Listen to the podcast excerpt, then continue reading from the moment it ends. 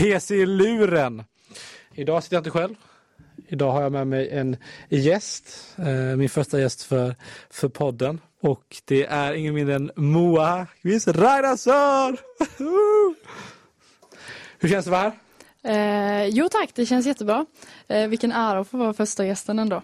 Det, det känns bra. Ja, tänk att du är min första gäst alltså. Mm, det boostar mitt ego lite extra sådär. Faktiskt. Det gör det? Ja. Ja. ja men vem är, vem är du då? ja, vem är jag? Nej men eh, Moa heter ju jag. Eh, jag är 20 år, ja, från Växjö. Jag flyttade hit eh, när jag gick i gymnasiet. Eh, och sen började jag plugga här efter studenten och vi går ju i samma klass då. Ifall eh, folk vill veta det. Ifall jag har missat det. Ja, exakt. Ja, nej men eh, kul precis. Vi går i samma klass. Jag vill innan vi börjar det här avsnittet idag sätta en liten triggervarning. Eh, vi kommer prata om ganska djupa saker. Från att förra poddavsnittet eh, prata om en eh, eh nej, men allt möjligt tokigheter till att faktiskt bli ganska seriösa idag. Eh, så jag vill lägga en, eh, en triggervarning på dagens avsnitt. För eh, som kanske inte alla vet egentligen att det är eh, Men's Health Month. Eh, där man vill eh, prata lite extra om mäns psykiska hälsa. För det är ju något som inte pratas så mycket om i samhället. Det börjar ju komma framåt lite mer nu. Mm. Eh, men det är fortfarande väldigt tabulagt. Eh, och eh, ja, det finns ju en anledning till varför jag bjöd in just dig till det här avsnittet. Och jag har haft, lite, jag har haft ett uppehåll några veckor nu från podden. Jag har varit, för det första har vi haft en talkshow Ja. eh, som vi har jobbat hårt med. Det gjorde att jag inte hade något avsnitt. Sen var jag hemma i Halmstad under min andra pass. att- För nu är vi här. En comeback så att säga. Jag gör en comeback efter två, det, fyra veckor. Exakt. Ja, ja, det är lite illa. Jag, jag har gjort ett avsnitt och sen liksom försvinner jag. Och sen ska jag göra en comeback inför ett andra avsnitt. Det, det är ju inte jättebra egentligen. Ja, ja. Nej, men eh, nu ska vi över till, eh, bli lite seriös här. Du och jag, vi, man kan säga att vi bondade egentligen när vi pratade om det här ämnet. Mm. Eh, vi började bonda på Sjukan, vår studentpub här. Jag, eh, ja, jag kan ju bara börja säga hur min berättelse var. Jag såg en, eh, du la ut en, eh, en post på din Instagram där jag eh, reagerade. Och ja, vill du berätta lite mer om, om, om det? Ja, ja alltså det kan ju låta lite sad så här att man eh, bondar över något sånt här alltså mörkt eller så. Men ehm, det är ju så att eh, min pappa gick eh, bort för ja, sex år sedan. Eh, och då var det ju på den här femårsdagen eller vad man säger efter han hade gått bort som jag la upp en post på Instagram och skrev ett ganska men, personligt inlägg. Jag har inte gjort det tidigare men jag kände att nu är det dags att vara lite personlig. Jag vill uppmärksamma det här. För att han gick ju inte bort på kanske alltså det vanligaste sättet så. Det var ingen sjukdom eller olycka eller så utan han begick självmord. Och eh, det är ju i sig väldigt eh, tabubelagt och det pratas inte så mycket om. Och då kände jag att jag ville ja, men uppmärksamma det och eh, sprida ordet liksom och få folk att veta vad som har hänt och typ få lite större förståelse för mig också. Eh, och då så var du en av dem som reagerade på den storyn, vilket gjorde mig väldigt glad. Och då diskuterade vi det här på sjukan och bondade över det, om man säger så. Ja, precis. För jag, jag har ju själv upplevt en, en del eh, psykisk ohälsa i, i mina dagar och jag tyckte typ det kändes väldigt självklart för mig att visa min stöttning. Som, det, var ju, det kom ju som en väldig chock. Det blir liksom så här, vi har känt varandra, har vi känt varandra i någon månad? Två Ja, månader? vi hade typ, alltså jag tror inte vi hade pratat riktigt. Det var nog så här hej hej i skolan typ, men eh, aldrig riktigt pratat mer eh, än så. Så jag tror också det var lite därför jag blev eh, så himla glad att du reagerade eftersom att du var en människa som alltså var ganska okänd. Du var liksom inte mycket mer än en som gick i min klass då. Och då, det var väl därför jag blev så himla glad alltså, och tog upp det med dig också. Mm. Ja, men vi satt verkligen där och bondade nere på, nere på sjukan. Men jag tänker att vi, vi tar allting i kronologisk ordning. Eh, så, vi, så att vi tar det från början. Har du själv upplevt någon psykisk ohälsa innan den här händelsen? Ja, men det har jag gjort. Alltså jag har väl haft en ganska alltså absolut, jag har haft en bra uppväxt men väldigt eh, tuff och jobbig uppväxt. Eh, för min eh, pappa då har ju haft, eh, eller hade, alkoholproblem eh, under större delen av sitt liv eh, och därav då genom hela mitt liv. så det har ju varit väldigt mycket ja, men fram och tillbaka med sånt där mycket liksom tunga känslor när man har varit liten. Alltså mycket bråk och sånt hemma på grund av fylla och ja, inte liksom jätte trevligt så kanske. Sen absolut, det har funnits jättefina stunder också. Men också väldigt mycket mörker om man säger så. Jag vet, jag var ju exempelvis alltid rädd för att komma hem på kvällarna. För att då var det så här, ja, är pappa hemma liksom så här, och kommer han vara full och det det är väldigt obehagligt liksom när man som liten inte förstår vad som händer. Liksom på dagen är det en helt annan person och sen på kvällen kommer man hem och så träffar man någon som är helt personlighetsförändrad och kanske otrevlig och alltså så. Det var obehagligt liksom så sett. Mm. Jag tänker på det, eh, så att snart kommer vi över till december som också är en månad som många barn känner sig otrygga i med tanke på att vi närmar oss julen, vi närmar oss eh, där det är lite mer, lite mer dricka. Och sånt. Var det någonting du upplevde själv, att det blev något, någon större mängd framåt jul?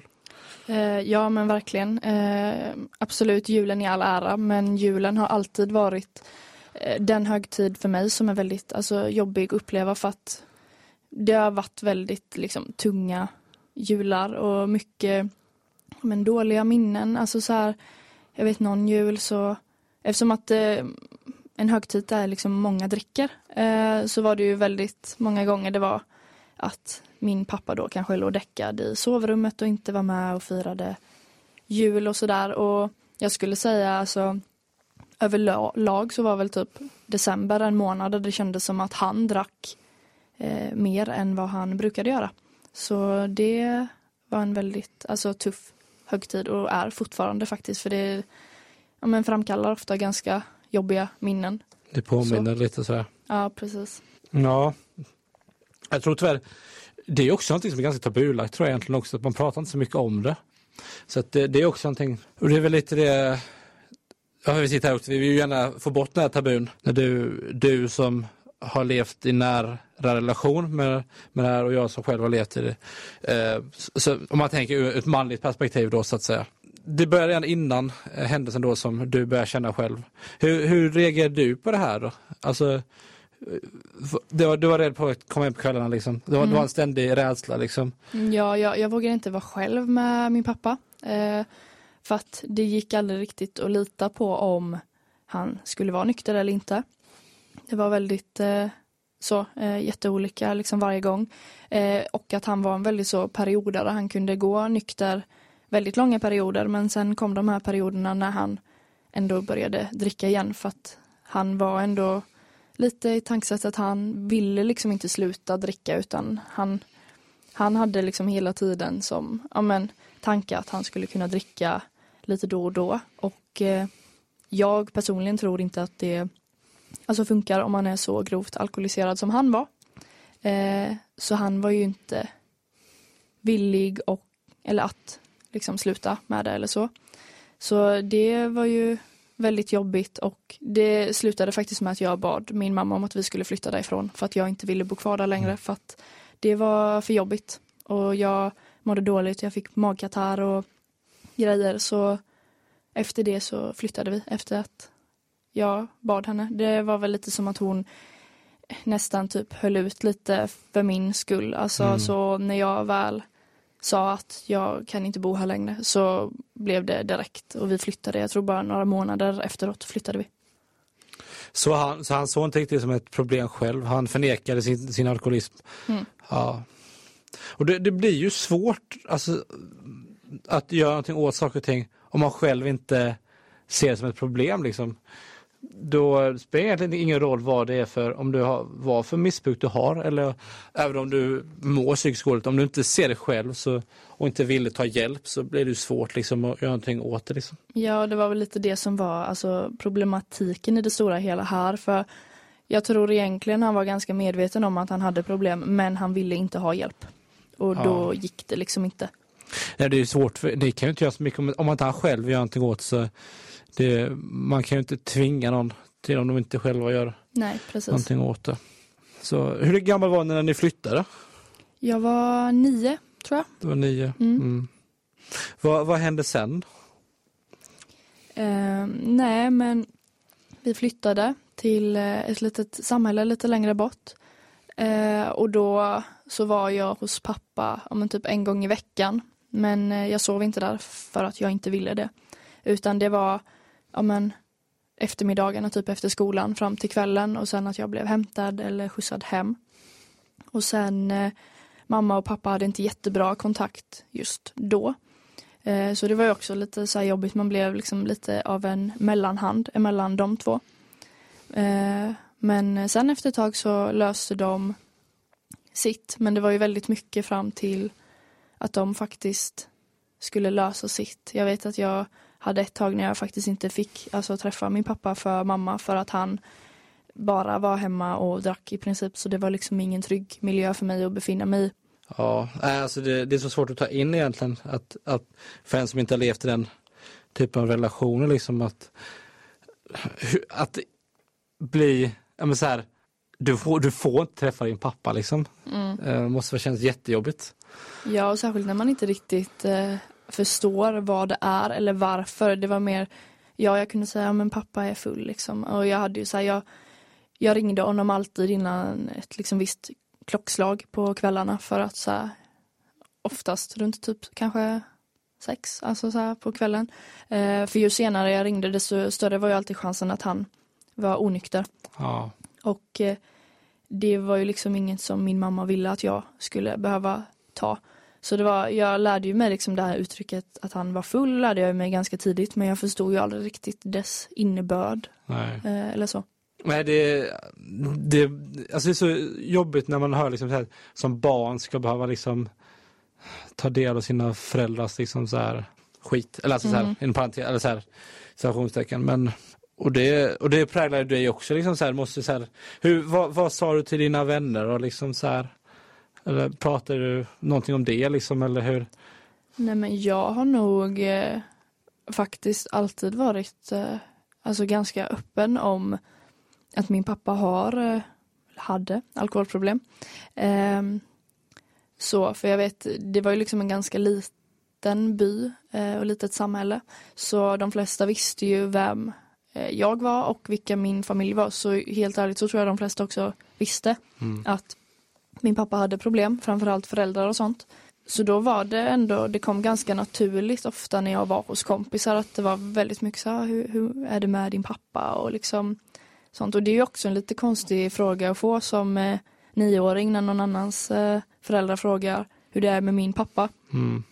Eh, så, men eh, jag har aldrig känt att det har varit liksom jobbigt att prata om det utan jag har alltid varit väldigt öppen med det. Eh, pratat med liksom både kompisar och folk jag inte känner så bra. Alltså haft liksom lätt att prata om det generellt. Mm. Du, eh, hur, hur kändes det liksom som att Alltså det, det är så svårt för mig liksom så här att sätta mig in i liksom så här att, att du blir liksom som jag ser det känns som att du behövde bli vuxen så snabbt liksom Mm. på det sättet att behöva ta hand om en så här de frågar liksom hur du, om din pappa liksom, hur, hur det går med honom liksom. Det, det är svårt att sätta sig in riktigt i den situationen men eh, ja, då var du ungefär nio då. Mm, 9-10. Hur, hur, eh, hur blev relationen sen då framåt åren om man säger att du, vad var det då, gick du i trean? Mm. Hur gick det uppåt när du gick där i, i ehm, ja, men femman, sexan då? Hur, alltså hur, hur fortsätter berättelsen liksom? Nej men alltså berättelsen är väldigt eh, fram och tillbaka. Det finns eh, jättebra perioder, alltså det kunde vara långa perioder när det var jättebra och sen kunde han få återfall, alltså så. Men jag skulle väl säga att de sista två åren eh, var väldigt bra. Eh, sen såklart så var det ju också, jag såg ju inte de liksom mörka stunderna eller så som han hade för att jag var alltid väldigt tydlig med så här nu kommer jag komma den här dagen. Eh, så då får du liksom inte dricka utan det var ju alltid Det var ju aldrig så att man åkte dit eh, spontant eller så utan det var ju alltid planerat ganska långt i förväg. För att då mm, typ minimera risken då att han skulle vara beredd på det. Sen fanns det ju absolut de gångerna man kom dit och han sitter och är full liksom. Eh, och jag vet någon gång, eh, tror jag var kanske 12 eller 13. Eh, detta var när mamma och pappa hade löst sitt så de var vänner så hon hade följt med dit. Eh, jag kliver in genom dörren och så sitter han där vid soffan och säger hej och så. Och jag ser ju direkt på honom att han är ju dyngrak liksom. Så jag gick fram till honom, tog hans öl och vaskade ölen mitt Ah. framför honom. Ja. Eh, varpå han frågade mig vad jag gör och så sa jag bara nej men du får inte dricka när jag är här och sen eh, gick jag därifrån, smällde igen dörren. Usch. Det är, så, det är så svårt för mig att sätta mig in liksom så här, en sån här situation men jag tänker att eh, innan vi går vidare in i berättelsen ska vi ta första låten för kvällen. Eh, jag, jag bad ju dig eh, ta fram lite låtar som du ville höra. Mm. Så tänker att vi börjar med Hello. Har du någonting du vill säga om den? Eh, nej men det här är en låt som den har varit eh, väldigt ja, men, känslig och betydelsefull under väldigt många år för att det var en eh, av låtarna som vi spelade på min pappas eh, begravning. Så, så den har varit jobbig att lyssna på i de två första åren kunde jag inte typ höra den överhuvudtaget. Men nu tycker jag bara den är väldigt fin och alltså minns honom på ett fint sätt. Så det är därför vi ska lyssna på den. Då lyssnar vi på den så fortsätter vi efter låten. Yes, då är vi tillbaka här på Radio Shore. Eh, det är PC-luren ni lyssnar på och idag är jag med min eminenta gäst, min klasskamrat Moa. Om vi, nu är vi vid 12 år, hur, hur ser storyn framåt ut? Nej men alltså storyn framåt är händer väl inte alltså jättemycket.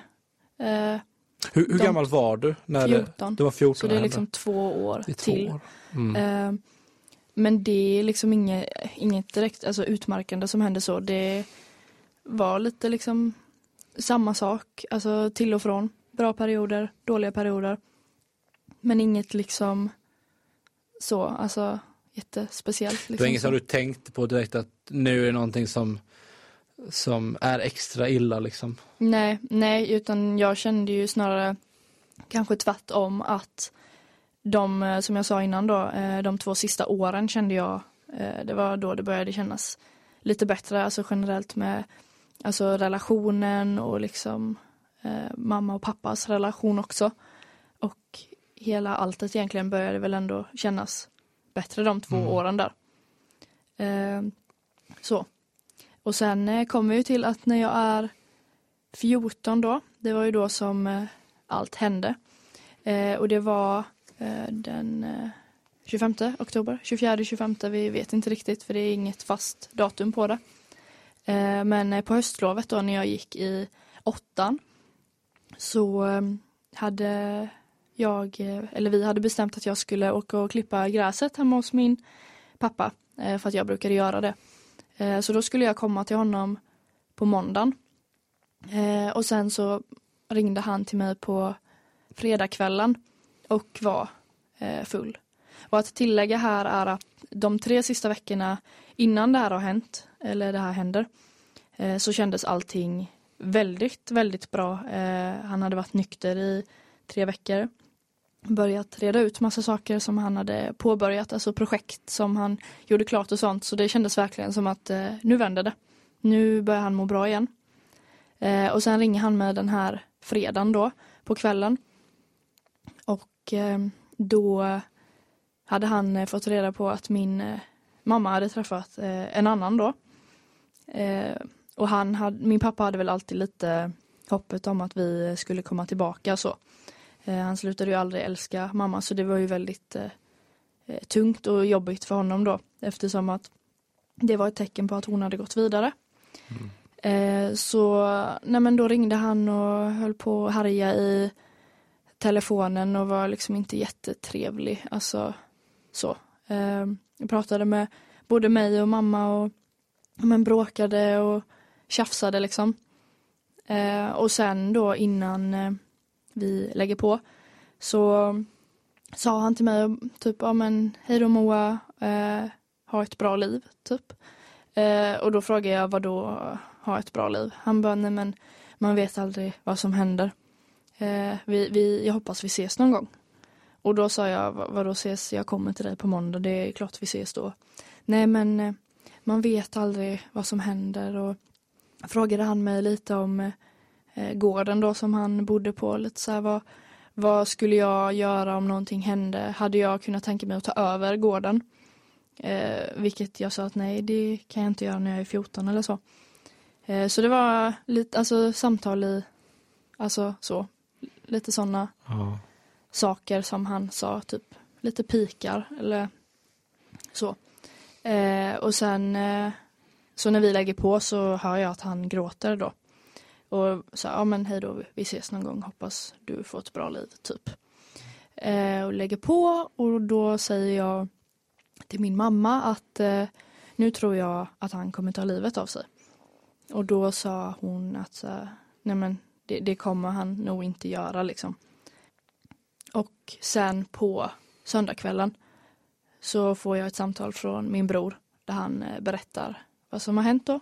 Att eh, det är ett par bekanta då som har hittat min pappa. Eh, så det är ja, det som liksom hände och hur jag fick reda på det. Mm. Jag blir- helt tagen här. När du själv berättar om det, liksom, vad, vad, tänk, vad var du för, då för tankar? Liksom nu, sex år senare, vad får du för tankar när det nu liksom nu är det lite som, nu är det lite som att jag, jag gräver i, i, i händelsen igen. Ja. Vad, vad får du för tankar själv när du liksom så berättar? Liksom? Alltså jag, jag kommer ju ihåg det här samtalet som att det vore igår. Alltså jag kommer ju aldrig glömma det här. Eh, det är ganska vanligt att jag drömmer om den här händelsen också. Eh, det är så här, jag kommer ihåg liksom exakt tid som min bror ringde, det var 21.33. Jag kommer ihåg hur långt samtalet var, det var typ tre minuter och så här tio sekunder. Mm. Jag kommer ihåg exakt vad han sa. Eh, men om man liksom eh, går tillbaka liksom till precis då, eh, när han ringer mig, precis innan jag ska lägga mig, så tänker jag varför ringer han? För att min bror brukar aldrig ringa mig alltså så sent på kvällen. Plus att, alltså helt ärligt, jag tror nästan aldrig jag har pratat med min brorsa i telefon innan. Eh, så jag tyckte det kändes jättemärkligt att han ringde. Eh, och svarade och jag satt liksom och i princip höll andan när han pratade för att jag hörde att han lät jättekonstig. Eh, och berättar och sen det, det bara stannar liksom. Mm. Det, tiden stannar, liksom alla tankar stannar och jag typ vill lägga på och sen alltså typ exploderar jag. Alltså jag springer ut eh, på balkongen där min mamma satt och liksom skriker och gråter hysteriskt, alltså allt på samma gång, jag får inte fram något ord. Eh, och hon blev så här, så här lugnade, så här, försök andas, för hon hörde inte vad jag sa. Eh, och sen när hon hörde så får ju hon Eh, panik också. Eh, så hon ringde till eh, några av våra närmsta vänner som kom till oss då och var med oss hela natten eller så. Och jag bara, alltså jag, helt ärligt, jag kände inte så mycket. Jag, jag satt typ och skakade, alltså jag var typ alltså paralyserad, alltså jag bara satt och kunde typ inte säga någonting överhuvudtaget. Jag bara satt och tittade in i väggen. I princip. Nej men alltså så här, det måste ju så här, det är väl inte så konstigt egentligen heller med tanke, alltså så här, ett sånt besked tror man ju aldrig att man ska behöva, behöva ta liksom. Nej, precis. Och då liksom så här, kroppen stänger ju lite av. Men, ja, men jag, jag, jag tänkte bara på det vi sa, för att som sagt, du har ju varit på lite eh, utbildningar och sånt nu Mm. eh, och, och liknande. Och det du, du sa där liksom som, som var så typiskt det här liksom, att jag skrev ner det nu så här, Mm. mår bättre. Du, du var ju på någon föreläsning när de sa det liksom, där du, om, om att när man tar självmord liksom. Du, Mm. du, du sa, berättade för mig förra veckan att du, det var något nytt för dig Mm. med det att, eh, att de mår bättre. Mm. Vad, vad var det du fick lära dig där? Jag var på en digital föreläsning med Suicide Zero. Eh, där de pratade lite om, eh, den hette Våga fråga och det handlade om, om en varningsklockor och hur man alltså som utomstående reagerar eh, och hjälper till när någon mår dåligt eh, och sådär. Eh, och då tog de upp ja, men, dels lite statistik på det men sen då framförallt det som blev väldigt nytt för mig då som jag inte visste var ju att en av dem faktiskt största alltså varningsklockorna är när det känns som att det vänder för personen.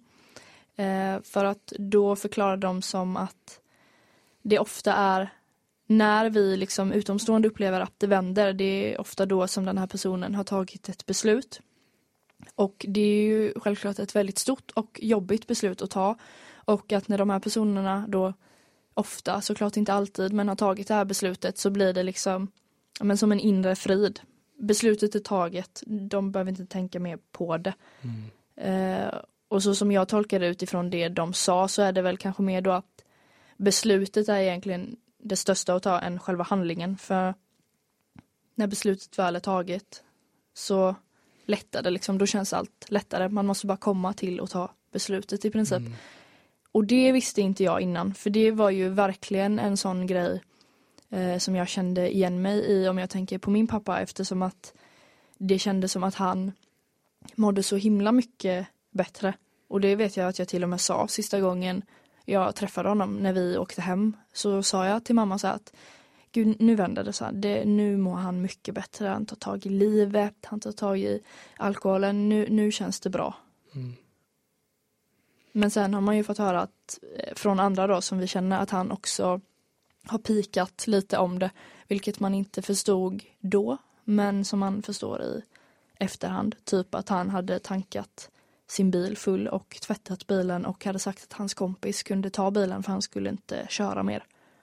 Så det är ju sådana saker som man liksom har förstått i efterhand att det var något som var planerat och han hade bestämt sig. Jag tror det är en grej som har varit väldigt jobbig eh, för mig att hantera att det där och då kändes bättre först och sen efter eh, mitt sista samtal då med min pappa att jag säger att liksom, jag tror att det här kommer hända och sen var det exakt det som hände. Mm. Det har ju varit en väldigt eh, jobbig grej att processa faktiskt. Alltså så man har varit lite så här varför alltså var jag inte mer envis? Varför fick jag inte också åka dit?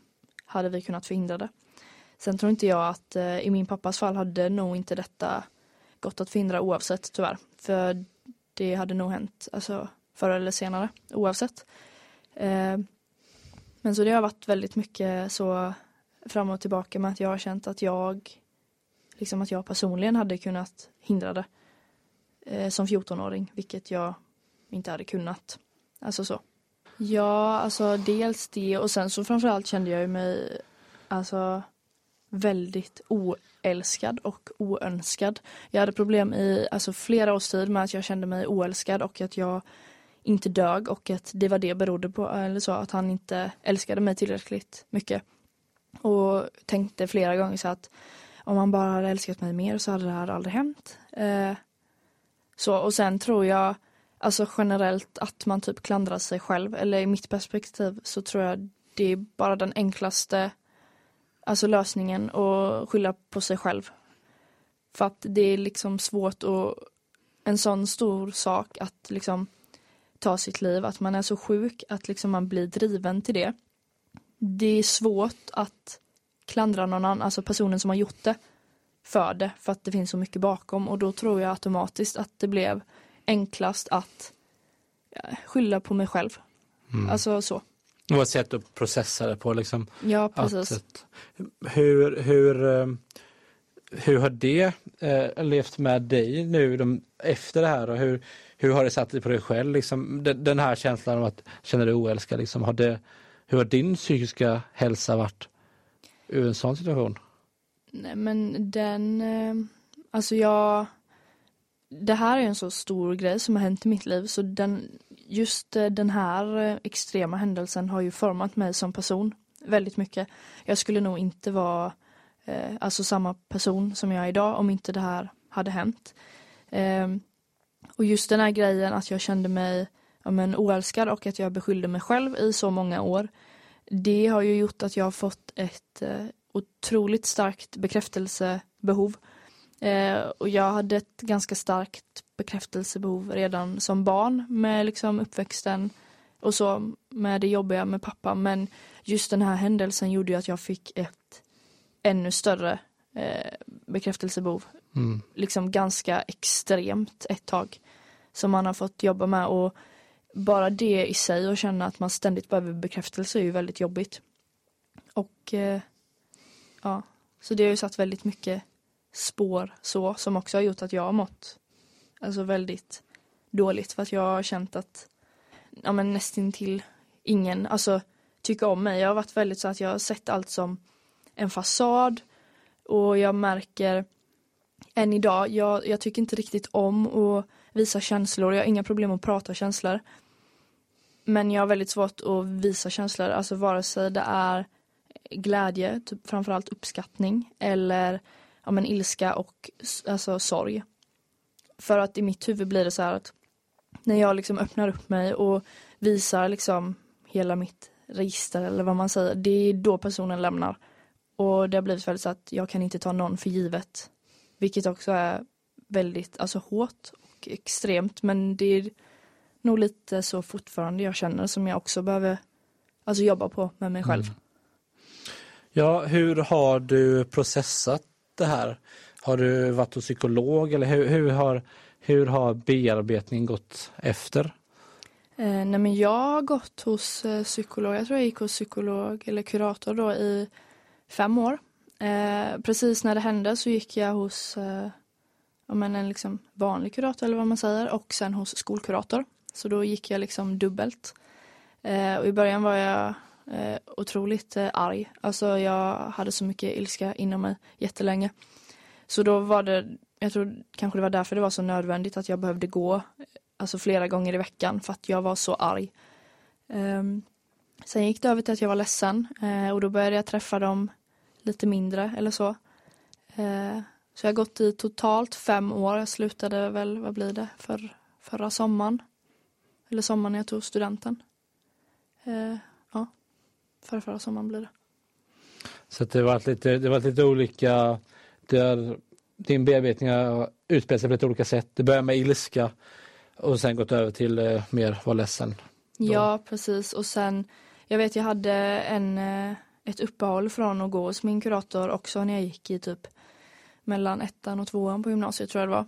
Eh, för då kände jag att jag mår ganska bra eh, så jag tror inte jag behöver gå. För då blev det lite mer att de gångerna jag gick så mådde jag bra och då behövde man liksom gräva ner liksom under ytan vilket gjorde att jag alltid var ledsen när jag gick därifrån istället så mm. det blev lite motsatt effekt.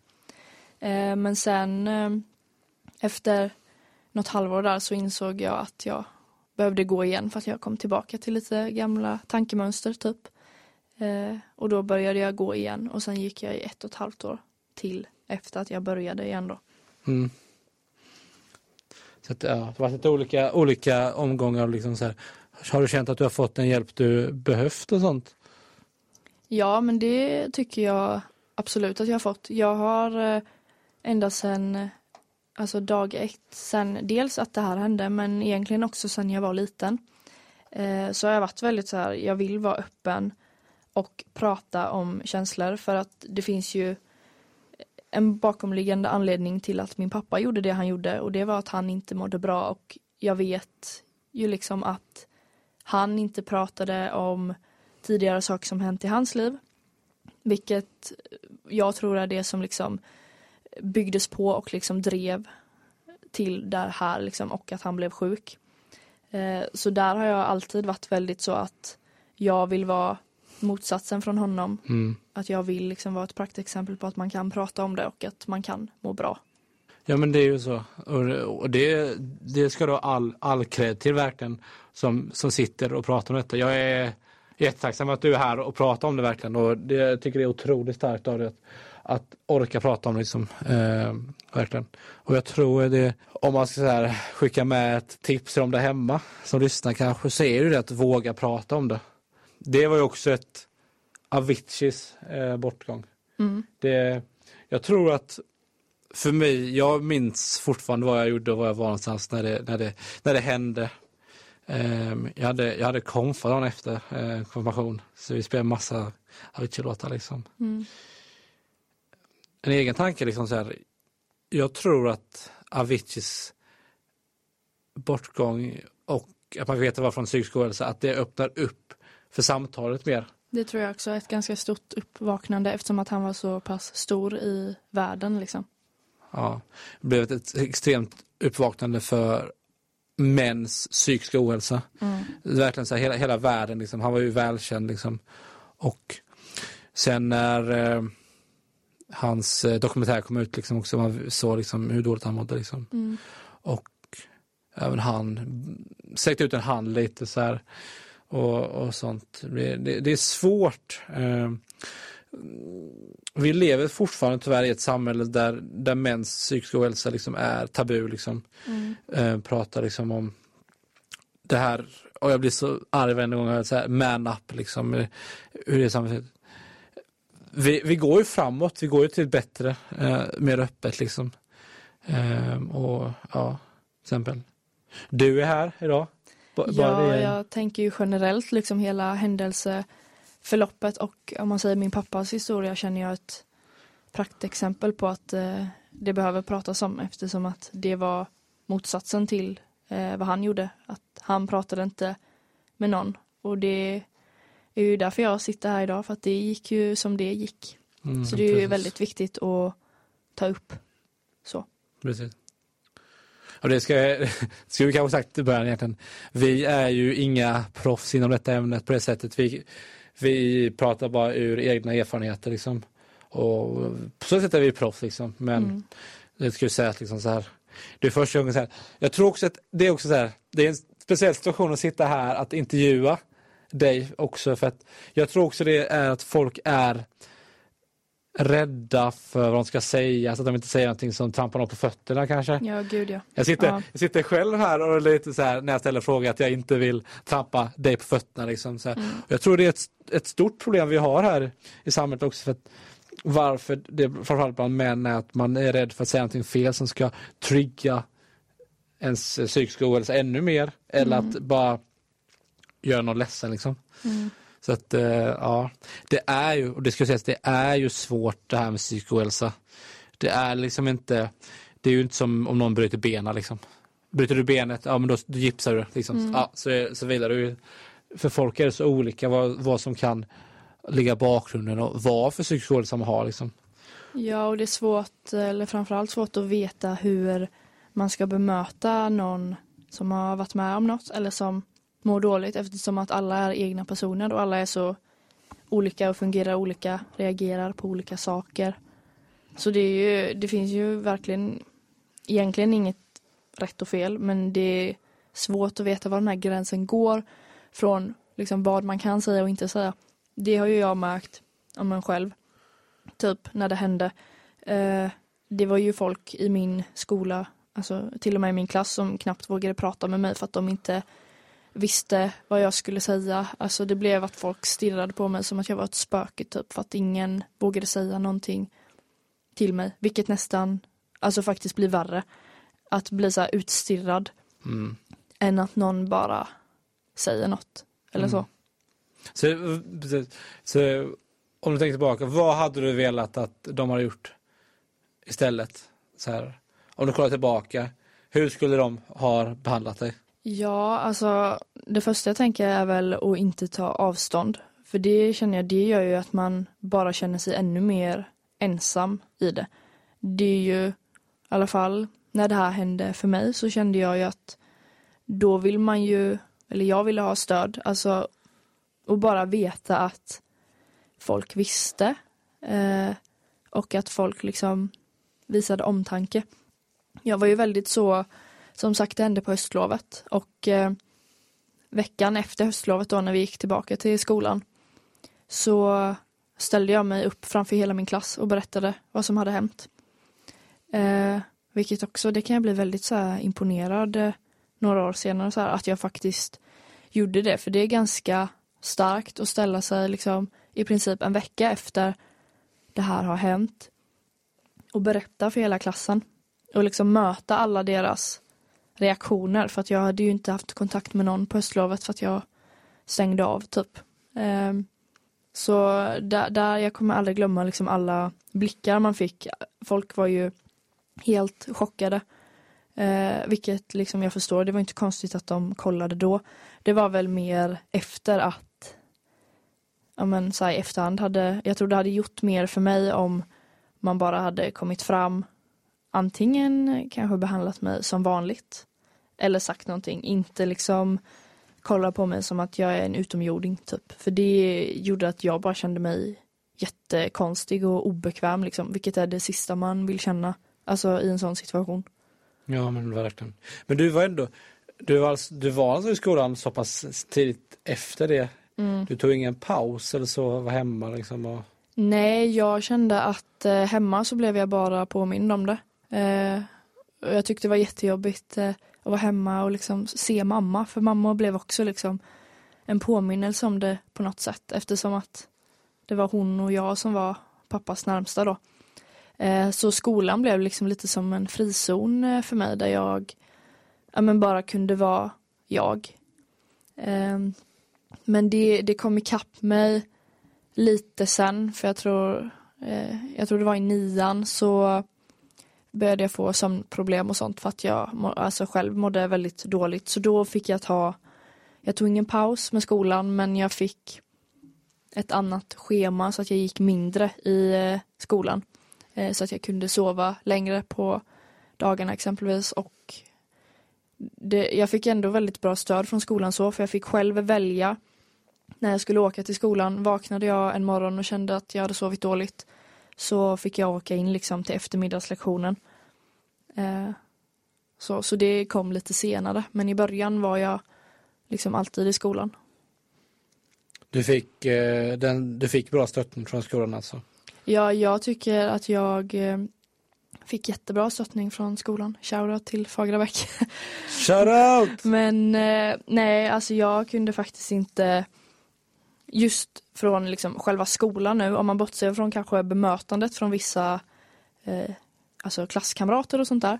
Eh, så själva skolan hanterade det jättebra. De tog det verkligen som den liksom krissituation det var och de tog det verkligen på allvar och de hade ja, men, överseende och var väldigt förståelse med det här att ja, men, exempelvis att jag fick börja senare och att jag fick gå mindre i skolan. Jag behövde inte ha lika liksom alltså pushade deadline som det var någonting. Det var okej okay om jag lämnade in senare så länge jag inte hamnade efter för det hade ju bara blivit jobbigt för mig i efterhand. Och sen då med ja, men skolkuratorn att jag fick alltid gå dit och jag fick sätta mig i vilorum. Alltså om jag kände att jag var ledsen. Jag fick alltid liksom gå ifrån. Ja, men det är skönt ändå att du fått den, den stöttningen liksom. Det är väldigt viktigt kan jag tänka mig att, att ha den förståelsen. Mm. Ja, hur, hur eh, jag, bara, jag bara tänkte på det, hur, din relation med din mamma efter det som har hänt, hur har den varit? Eller så? Nej men den har väl eh, stärkts ganska mycket.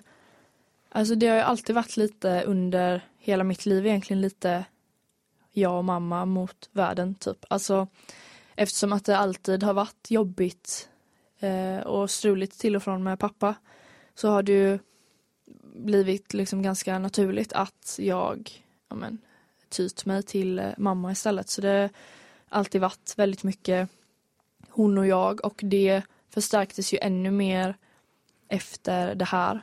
Eh, däremot eh, så insåg jag ganska snabbt att jag kan, jag kan fortfarande, alltså än idag inte riktigt prata med henne om mina känslor angående det här. Det blir lite för känsligt typ. Mm. Plus att hon, eh, ja men att hon kände honom. Jag tycker inte om att liksom diskutera det som har hänt och mina känslor angående eh, ja, men angående det med folk som faktiskt kände min pappa för då kan jag ibland eh, känna att folk kan gå i eh, försvarsläge, alltså gentemot honom om det kan vara en så här impulsiv känsla som man berättar. För det kan jag känna ibland, alltså så här, ibland kan jag bli så här hata honom för det som hände. Vilket inte är konstigt. Men säger man det till någon som också kände honom så blir det ju att de försvarar honom. Och det är så här, jag förstår det men i en sån situation så är det kanske inte det som man vill höra. Nej men precis. Så jag har inte pratat med henne om det här jättemycket men vi är väldigt nära så och pratar om allt annat eh, förutom det här då för det känner jag att jag tar bättre med andra faktiskt. Precis, precis. Du vill hellre prata med dem som är utomstående då när det mm. gäller detta? Mm. Uh... Jag tycker det är enklare för att då får jag ge min bild av det hela. Det blir alltså när jag pratar med någon som inte känner honom, det blir liksom enbart min bild att ge och det är enbart liksom den uppfattningen som personen jag pratar med får. Medans de som känner honom har ju en viss bild av hur han var och jag har kanske en annan. Och därför tycker jag det är skönare att när det kommer till att prata om mina känslor så tycker jag det är skönare att prata med någon som inte känner honom för att då vet jag att det blir min bild och jag får säga exakt det jag vill säga och det som jag inte vill säga behöver jag inte säga. Du bygger upp lite efter hur du själv vill att det ska vara. Precis. Ja, för som sagt, du är väldigt öppen med det. Eh, som sagt, det, den texten du ut som gjorde att vi lärde känna varandra. Mm. Eh, vad, vad, vad, vad ligger bakom att du är så öppen? Nej men det är nog att jag känner att eh, just det här ämnet med eh, självmord är så extremt tabubelagt. Eh, och det är nog mycket på, alltså baserat på kanske de reaktionerna som jag har fått från folk i min närhet när man liksom har berättat vad som har hänt. Eh, ja men det här som jag sa, att det såg ut som att de hade sett ett spöke när jag berättade för min klass liksom. Folk vet inte vad de ska säga. Det är självklart att man vet inte vad man ska säga oavsett liksom alltså traumatisk upplevelse. Men jag har väl upplevt, alltså framförallt när det har kommit till just när det handlar om självmord, att folk blir helt tysta och vågar inte säga någonting. Eh, och det känner jag, alltså det ligger en stor problematik i det för att det blir nedtystat. För att folk inte vågar prata om det. Men det är jättevanligt. Eh, så det är väl därför jag, alltså på senare år känner att jag vill berätta min historia och liksom uppmärksamma det att det här har hänt mig, det här har hänt min pappa eh, och här är jag idag. Precis, Lite så. Precis, precis. och det, det, är ju väldigt starkt liksom att orka prata om det liksom. Ska vi ta lite, jag menar, lite så här, jag tänker att de där ute som lyssnar kanske är någon där ute som mår dåligt liksom. Vad har, har vi några generella tips? Eller även om vi ska se det från perspektivet nu om vi märker att någon mår dåligt, hur ska man reagera? Har du några sådana här tips som du kan ge, ge liksom, som du har tänkt på? Mm. Ska se här, gud. Nu tog jag, nu tog jag lite, lite. Bara, bara på sängen, vad säger man? Ja. Um. Nej men om jag, alltså om jag tänker utifrån mig själv Precis, om när du... jag själv har mått väldigt dåligt. Precis, jag tänker, hur hade du velat att de skulle behandlat dig liksom, när du mådde dåligt? Liksom?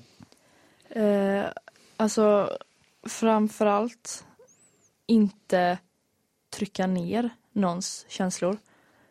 Det, det, är så, det gör man inte, det, det funkar inte. Alltså, jag har fått mina sådana känslor nedtryckta hur många gånger som helst. Typ så här, men gå vidare så här. Det, det är inget det gör ont för det är liksom att förminska det man känner och det tror jag absolut inte på. Ehm, men sen annars har väl jag känt mest visa att man finns där, att man finns till hands. Ehm, om man ser att någon mår dåligt, man behöver inte skriva en bibel till någon, alltså så. Utan jag har känt att det har nästan betytt mer när någon bara har typ skickat ett hjärta för att visa att jag ser och jag hör och jag finns här. Jag tror det har nog betytt alltså mer för mig, för det kan ju, har ju folk gjort som jag knappt känner, bara så här skickat ett hjärta för att visa jag har sett, jag finns typ.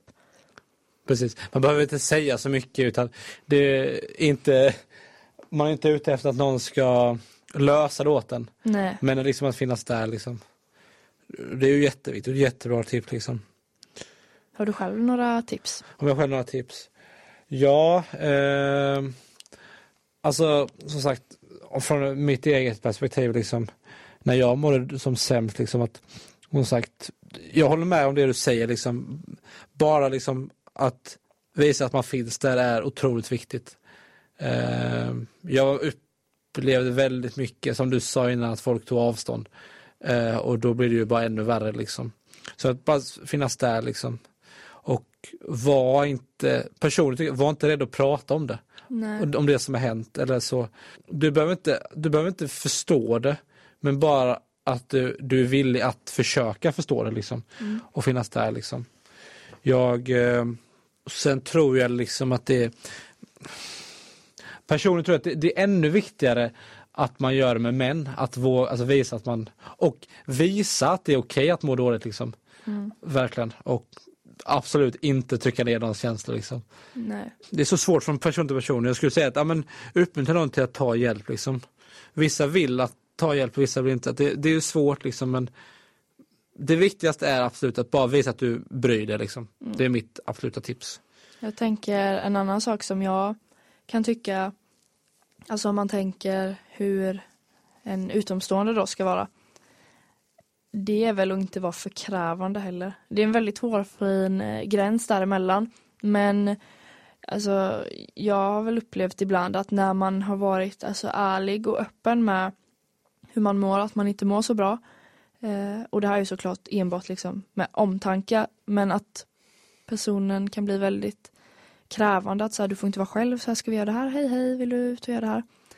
För mig funkar inte det för att jag måste ha space. Alltså det är där jag bearbetar mina känslor mest. Sen absolut, man, det är inte bra att stänga in sig. Men eh, inte liksom pusha på utan jag känner väl mer att om personen som mår dåligt i fråga tar upp det att man ska finnas där och lyssna, kan ställa lite motfrågor men inte liksom forcera någon in till samtal. För har personen i fråga en bra dag och man tar upp det på tal liksom helt ur kontext liksom så kan det bara bli fel, tänker jag. Mm, precis. Och liksom inte, nej men så här, och inte vara för på heller, alltså så här, allmänt liksom så här, ge utrymme liksom. Även det liksom så här, eh, inte hela tiden, hur mår du, hur mår du, hur mår du, utan också ge lite utrymme liksom så här. Lite då och då liksom check in. Mm. Sen är det, sånt här är ju så det är så personligt. Så att vissa vill ha mer än andra. Liksom. Men jag håller med dig också liksom det att mm, jag behövde min ensamtid när jag mådde dåligt. Liksom. Att det inte blir hela tiden pushat. Ja, men, det här, för då blir det liksom ett krav. Typ. Då får man lite så här FOMO kom ut i mitt huvud. Det är inte riktigt så men liksom så att, att om någon hela tiden pushar på att du måste följa med, då blir det så här, då får man dåligt samvete för att man inte följer med. Liksom. Och Då är det skönare att veta, ja, okej, nej men jag ser dig, du får med om du vill liksom. Eller, alltså så. Men det känns generellt också som att, att liksom, för, eller samhället typ generellt liksom har fått det till på något sätt att det är dåligt när man tar avstånd. Eller förstår, förstår du vad jag menar? mm. Det känns som att folk är liksom rädda om man tar avstånd, att då tänker man så här, nu är det jätteilla. Det kan det absolut vara, det är inte det jag säger, för alla är väldigt olika. Men jag, utifrån mig själv, så tror jag att det kan vara viktigt, alltså egentligen lika viktigt med att få space som att omges av nära och kära. Men precis, jag tror det är kombon där liksom så här. Hör av dig till personen. Jag tänker att har man hört av sig till personen så vet personen att du finns där liksom. Men det är också viktigt att du ger den personen space liksom. Att så här, men så här, ge den några dagar liksom space och sen fråga igen, ja, men hur är det liksom. Det tror jag är jätteviktigt liksom. Jag tror att det, folk i allmänhet är ju ganska, men man är inte så utbildad inom det här egentligen. Jag tror man måste mer, det måste pratas om det mer för att folk måste bli lite mer kunniga inom ämnet. Det är nog det som är ett problem, liksom, att om man inte om man inte vågar prata om det så kan man inte lära någon heller om det. Liksom. Så att det är väl så jag känner. Nej, det är ganska alltså, skevt att det inte pratas mer om med tanke på att det, alltså, psykisk ohälsa är en så himla vanlig grej, tänker jag. Eh, sen absolut, det är jättebra att det har blivit mycket mer uppmärksammat, alltså nu senaste åren. Men det behövs så mycket mer. Mm. Exempelvis typ utbildning i skolan kan jag känna. Mm. Ja, det, alltså det var inget sånt när man gick i skolan. Jag fick lära mig. Du fick lära dig när du gick i åttan, du fick lära dig om sex och samlevnad, liksom, så, sånt liksom. Men du fick aldrig lära dig om att man kan må dåligt. Nej. Så att det, det är väl det också. Skickar vi upp till högsta hönsen i, i Sverige att liksom, hålla hand om skolledningen. Liksom. Mm. Utbilda folk inom det. Lär dem tidigt att, att man kan må dåligt. Mm. Ehm, sen personligen så tycker jag att slänga sig mot uttrycken, så här, Mår man dåligt absolut, men slänga sig med uttrycken, liksom, ah, jag är så deprimerad, ah, sånt där. Det är, något, det är ju en trigger point till mig som verkligen sånt här. Men tänk lite på vad man säger liksom. Och det är så här, man vet aldrig hur folk mår liksom. Jag tänker lite ibland kanske man var inte för hård mot varandra. Alltså så allmänt. Visst, du kan tro att du har en jargong liksom. Det är det som är så svårt med människor för att ofta är de som verkar gladast, ofta finns någonting som gömmer sig där bakom. Liksom. Mm. Så var det personen själv. Liksom. Jag var ju klassens clown, liksom. Mm. så mådde jag som sämst. Men det ska jag ta upp i ett annat avsnitt. Men det är ju så här, var inte för hård mot människor. Låt dem Alltså så här, man vet aldrig vad någon gömmer sig och det kan vara ganska bra att ha i baktanken att mm. du vet aldrig vad någon bär på liksom.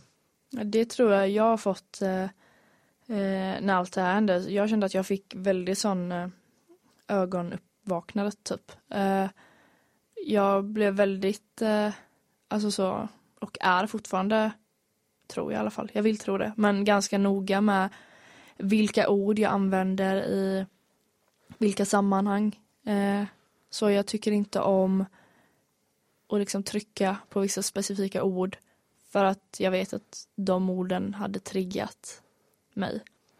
Mm. Exempelvis eh, om en typ att skämta om självmord. Det är lätt uttryck som folk tar till så jag ska gå och göra det här, lalalala. Ja, precis. Det är så här, nu, jag kan hantera det här uttrycket nu, jag tycker inte om det. Men för några år sedan så kunde inte jag alltså, hantera det. Sa någon i min närhet det som jag kände så blev jag knäckt. Ja, ja det, det förstår jag. Liksom. Det, det där är det sista du ska skämta om. Absolut. Alltså, jag, jag tycker aldrig det är okej. Okay. Det är väl det absolut. Sen finns det vissa så här också, ord också som man känner sig triggad. Men alla har väl liksom ord som man säger. Mm. Men det är ju sånt där. Du ska aldrig skämta om självmord. Absolut inte. För då försvinner själva grejen med att, att man mår dåligt liksom. För det liksom, ja ah, men ja, ah, då blir du, ah, jag, jag blir också triggad. Det blir lite som att det är så här vardagsgrej, typ. Som att det är så jävla lätt att göra typ. Kan, kan jag känna. Alltså det blir så här, jag ska bara gå och göra det här. För mm. klart, men det ligger så mycket mer eh, bakom det. Sen kan det liksom, när man säger så, så kan det också ibland ligga någonting bakom det. Mm. Ett, ett tyst hjälp liksom ja. på något sätt. Eh, så, men så här, kolla din nu omgivning liksom. Kolla hur de mår liksom. Kolla till dem ibland liksom så här, visa att du bryr dig om folk. Mm. Det behöver inte vara så här, men mår du dåligt liksom, utan det är så här, bara visa att du bryr dig liksom. Visa uppskattning till folk. Mm. Och det, det, kan betyda så himla mycket från bara så här, men så här, ja men ge en komplimang då och då liksom. Så det kan nog vända någons dag väldigt mycket liksom. Mm. Säg hej i skolan. Ja, det Som man har fått lära sig under alla år. Ja, just det. Ja, faktiskt. Alltså det är typ, eh, alltså på riktigt typ det enda de, eh, man har fått lära sig så i skolan. Säg hej till någon, det kan göra någons dag. Absolut, det är så, men det är så här, det är ett ganska litet exempel mm. på vad man kan göra, känner jag. Precis, det finns mycket man kan göra. Och vi kan ju så slänga med lite så här, ja men mår du dåligt, det finns, så, det finns många ställen du kan vända dig åt där du kan vara anonym. Mm. Eh, BRIS kan du vända dig till. Eh, Suicide Zero är jättebra. Eh, finns en som heter SPES. Eh, det är väl, vad är det det står för? Det har jag vänt mig några gånger. Det är, nu ska vi se här. Riksförbundet för Suicide Prevention och efterlevande stöd. Jättefint att det finns så många olika ställen man kan vända sig mot. Väldigt viktigt. Så att folk har, och det är viktigt att man kan vara anonym också. Mm. Vilket avsnitt. Ja. Det var väldigt, väldigt djupt, eh, väldigt bra. Men vi är glada ändå. Vi är glada ändå. Eh, ja. det, det, är viktigt sak att prata om liksom. Eh, stort tack Moa för att du varit här. Du får ju tack. gärna komma tillbaka. Ja. Eh, prata om det här. Då kan vi prata dels om det här men sen någon gång kan vi prata om lite gladare saker också. Absolut, det, det har vi, finns mycket glatt vi kan prata om också. Ja. Efter vi har pratat om idag och oavsett vad så nu ska du få en riktig segway för the show must go on. Ja, en banger. En bang. Eh, tack till alla som har lyssnat idag. Eh, Kurt har ju här. Som sagt, mår ni dåligt, våga ta hjälp. Det är aldrig fel att ta hjälp. Våga Ja. prata, våga fråga. Precis. Tack Moa för att du var här. Tack själv. Det här var PC i luren. Vem har turen?